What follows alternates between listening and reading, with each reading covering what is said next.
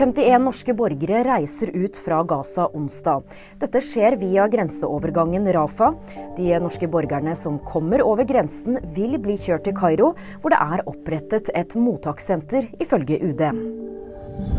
Det har vært en storkontroll av taxier på Romerike. Kontrollen resulterte i 28 bruksforbud, noe som betyr at bilen ikke kan utføre drosjetjeneste før feilen er rettet opp.